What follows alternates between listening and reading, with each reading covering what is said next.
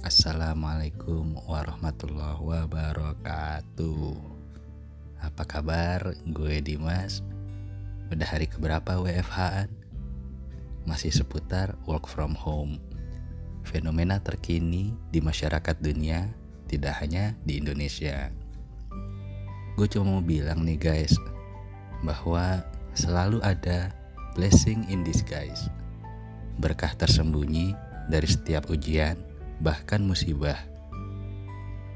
Bagi lo lo pada yang udah berkeluarga, anjuran WFH sebenarnya membawa hikmah tersendiri, ya enggak?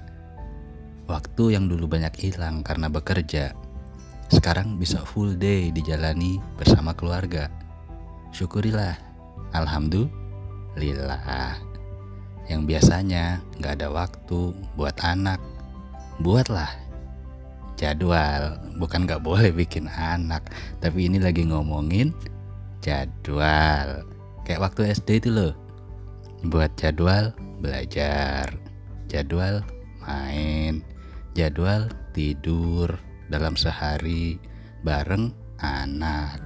Habis itu baru maknya buat nebus waktu yang hilang. Blessing kan? Alhamdulillah apa pun keadaannya, kita selalu masih bisa bersyukur. Punya keluarga, syukur, gak kesepian.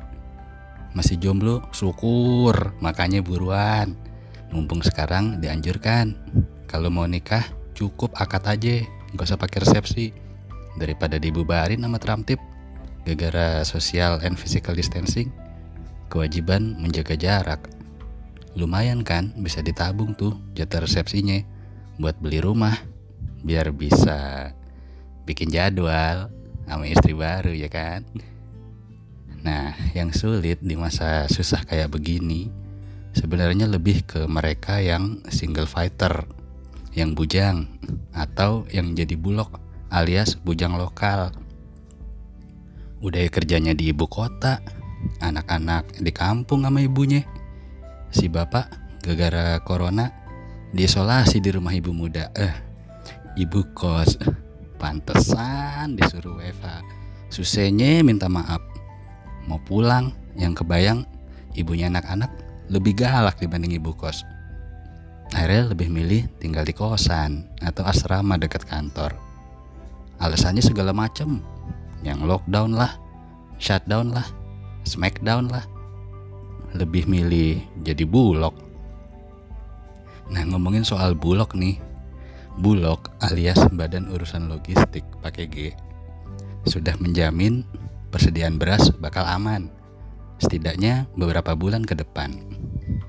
Sayangnya Bulog nggak berani ngejamin tuh. Kalau para Bulog pakai K alias bujang lokal Ya kayak kalian-kalian ini Ada yang masakin. Lah akhirnya kelaparan.